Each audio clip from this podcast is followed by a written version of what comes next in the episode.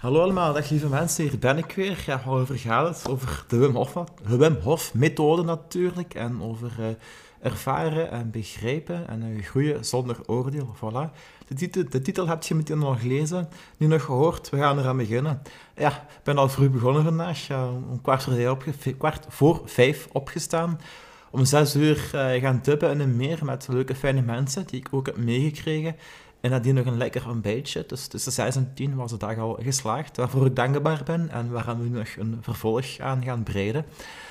Ja, uh, waarom ze vroeg tippen? Ja, voor de show zeker. En voor het mooie moment om die ochtend toch mooi te starten. Het water was niet zo koud eigenlijk voor de tijd van het jaar. Uh, dat is ook niet de bedoeling. Het moet niet altijd een uitdaging zijn. De grootste uitdaging was om iets nieuws te doen, om ook eens vroeg op te staan. Dat we eigenlijk ook wel kunnen. Maar ook om weer toch opnieuw dat uniek moment te beleven. De groepsconnectie was goed, dat is fijn, dat iedereen zich goed in zijn vel voelde, dat we elkaar wat energie hebben gegeven. Dat is ook heel belangrijk en heel fijn. En uh, ja, eigenlijk was het Dominique, uh, Dominique Stevens, zijn idee die ons gisteren een beetje geïnspireerd had.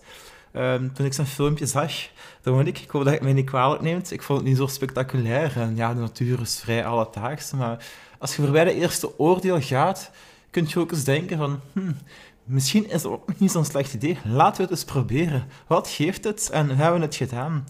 En um, om daarop verder te gaan, ook, uh, ik heb hem ook geïnterviewd in mijn podcast, nummer 33. En een van de vele quotes die mij bijbleef was uh, uh, ja, dat je moet groeien zonder, als je in de persoonlijke groei zit of in de ruimte groei, dat je daar niet meteen een oordeel aan moet plakken en ook niet bij een ander.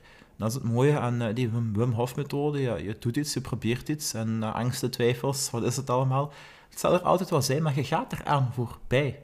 Een oordeel zal er eigenlijk wel zijn, maar je laat dat links liggen, je laat je ego links liggen en je wacht toch de stap uit nieuwsgierigheid, uit interesse, uit groei, uit die zin voor verbetering. En dan staat een mooie, uh, hoe heet dat weer, een mooie symbiose tussen allerlei dingen. Ten eerste met jezelf, met anderen, met de natuur, en dan gaat je er helemaal aan op. En dan kan je echt, uh, dan komt de innerlijke kind naar boven, je kunt heel speels zijn. Speels zijn houdt de sleur weg, uh, ontstress je, komt goed jezelf, dat is mooi, dan komt echt je innerlijke aard naar boven. Veel mensen zijn jammer genoeg uh, soms te serieus, dus uh, houd het ook luchtig en plezant en fijn. Zonder humor is de wereld ook maar saai. Um, ja, ik ga ook eens een andere wijze Kathleen citeren, Kathleen Verpoorten, die er ook bij was. Um, ja, ik, uh, in een gesprek had ik gezegd van, ja, ik ken iemand die yoga doet, meer mensen. En die ook al bezig zijn met hun gezondheid en zo. En ook als die zelfs, als, als die dan aan de Hof beginnen, of een koude training of zo, dan maken die toch nog meteen een reuzensprong, terwijl ze ook al bezig zijn eigenlijk ja, met die ontwikkelingen. En dat fascineert mij. En ik heb ook gezegd van, ja, het is een beetje supernatural, dat je echt zo een of andere kracht krijgt, die ook in je lichaam zit, zit in jezelf. Ah, dat zelfvertrouwen, die life force, die, die daadkracht, die, die energie eigenlijk. Uh, dat is heel mooi. En uh, ja, ik ben geen yoga-expert, ik weet niet of zij het is, maar ze omschreef het wel mooi. bij dingen zoals mediteren, zoals yoga, geraken tot rust. En ook met andere therapieën, onder andere, kun je meer begrijpen waar een spanning zit of uh, waar een oorzaak zit. maar het gevaar is dat je daar um, meer over kunt doen of terug te veel bij de oorzaak kunt, kunt zitten, waardoor je er ook niet gelukkig van wordt. En die Wim Hof methode, die geeft u, ik praat vaak over actie, die geeft u ook veel rust. Die, die ademhaling, waarom ik krijg daar zoveel energie van? Omdat je ook goed ontspant. Soms val ik eens in slaap na die ademhaling, maar dan staat je weer op en zet je weer energized. Dat hangt ook af van je intentie. Maar dus dat is heel mooi om te beginnen. En dan gaat je ook, zoals Kathleen zei, van, van begrijpen naar uh, voelen en ervaren en proberen en doen. En komt die kracht naar boven. Dan blijf niet bij de pakken zitten. Maar dan gaat je als een krijger daar de ijsbad in. Dan vind je daar een rust en komt je er opnieuw herboren uit. En zo ga je ook andere uitdagingen in het, in het leven aan.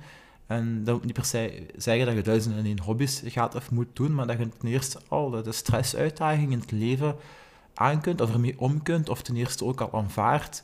En dat je van daaruit ook, vanuit de talenten, vanuit wat je energie geeft, van die dingen ook, ook andere dingen proberen en doen. Dan gaat je meer, meer zelfwijsheid en zelfinzicht eh, krijgen en creëren. En ook als je met mensen omgaat die met hetzelfde bezig zijn, je merkt toch eenzelfde energie, of dat je elkaar kunt coachen of aanvoelen, of dat je je groei ook uh, kunt, kunt merken of verbeteren eigenlijk. Hè. En dat zijn hele mooie momenten. waarover gaan we het nog hebben? Ja, um, het is tot nu toe de mooiste zomer eigenlijk van mijn leven en ik ben nog maar 31 jaar. Dus er staat nog veel te wachten, maar dat is ook een taak om daaraan uh, te werken eigenlijk. Uh, sommige dingen, als je echt ook in de natuur zit, uh, ik heb in Spanje gezeten, maar ook in de Ardennen, of zelfs in een mooie Heuse Zolder, of eender waar, in de mooie natuur, en dan voelt je toch mooi die connectie, dat uitzicht, die nederigheid, die, die wind, die lucht, die, die aarde die, die u meeneemt, waarmee je aanraking krijgt, dat is toch eh, iets anders dan eh, gewoon in een kantoor of binnen. En dan zijn we helaas een beetje verleerd zo dat gevoel eigenlijk, dat is een beetje jammer. En uh, het is allemaal aan ons een beetje om dat meer in de maatschappij te krijgen. Um, het is niet de bedoeling dat we hippies worden, wel dat we liefde verspreiden en wat is het allemaal. Maar ook pas hiermee op. Ik zal een mooie parabel vertellen, die van de krokodil en de aap, niet, van, niet die van de krekel. En uh, dat is uh, van de krokodil, die, ja, waarvan de aap, uh, dus aap gaat op de rug van een krokodil aan de overkant, dus die krijgt een lucht een beetje. De aap wil aan de overkant geraken. En de krokodil wil natuurlijk de aap opeten. En halverwege zegt die krokodil tegen de aap, zeg, waarom gaat je eigenlijk met mij mee? Je weet toch dat ik je ga opeten? Toen zei de aap, ha, maar mijn hart ligt eigenlijk aan de overkant. Als je doorzwemt, dat is het beste stukje dan kun je dat opeten in plaats van uh, hetgeen mijn lichaam nu, want het is eigenlijk niet zo lekker. Die krokodil was dus meer gemotiveerd om, om door te rijden, of door te zwemmen, of wat is het allemaal. Uh, en die aap, ja, die wist natuurlijk ook, die had niet zijn hart aan de overkant liggen, maar die kocht ermee een beetje tijd. En van zodra ze aan de oever waren, maakte die aap er zich ervan door. Dat was een beetje de moraal van het verhaal. Uh, niet alleen de krokodil was teleurgesteld en de aap had nog zijn leven. Maar um, kwetsbaarheid, daar valt veel over te zeggen. De kracht van kwetsbaarheid. Ik heb gisteren veel boeken gelezen. De kracht van positiviteit, van denken, van hoop. Ik denk vooral dat de kracht in jezelf zit en in connectie. Um, maar uh, ja, je moet niet tegen iedereen je kwetsbaarheid blootleggen. Hè. Je moet jezelf ook geen, pijn doen. Ik zeg altijd, heb een mooi hart, maar zet er ook een mooi en stevig schild om. Hè. Uh, hebben elkaar lief, staat in de Bijbel, maar ook uh, oog om oog, tand om tand. Um, ik weet niet goed uh, mijn Eucharistiekennis is, maar ik zal binnenkort nog eens aan de mis gaan. Dat is ook een nieuwe extra uitdaging en ervaring en challenge. maar we leven ook in een wereld waarin er harde zaken zijn. In het leven, in het bedrijf, ergens anders ook. Breng daar in uw liefde, maar ook stel uw grenzen, toon daadkracht, sta sterk in jezelf. Dat is ook Wim Hof. We moeten geen softies worden, uh, verspreid die, die liefde, maar ook goed verpakt eigenlijk. Hè, en dan de juiste mensen. En dat is ook allemaal een mooie, mooie leerschool. En ik kan ook zeggen, de basis van de Wim Hof methode is een mooie, sterke mindset. En ook dat helpt in, het, in relaties, in, liefde te verspreiden. Uh, en sterk staan in je kop. Uh, ook in het overbrengen van, van boodschappen zonder dat je daar iets voor denkt terug te krijgen. Dat je je ownership hebt van dit geef ik, ik heb geen verwachtingen terug, ja, opties, dingen. Um, maar dat je ook die, die energie daar, daar, daar goed bewaakt en daar goed mee, mee omgaat eigenlijk. Hè. En uh, ja, wat kan ik nog allemaal zeggen? Uh, ik geniet van het leven. Men werd laatst gevraagd naar, Sander, wat zijn uw doelen nog? Heel eenvoudig en heel simpel, groeien en genieten.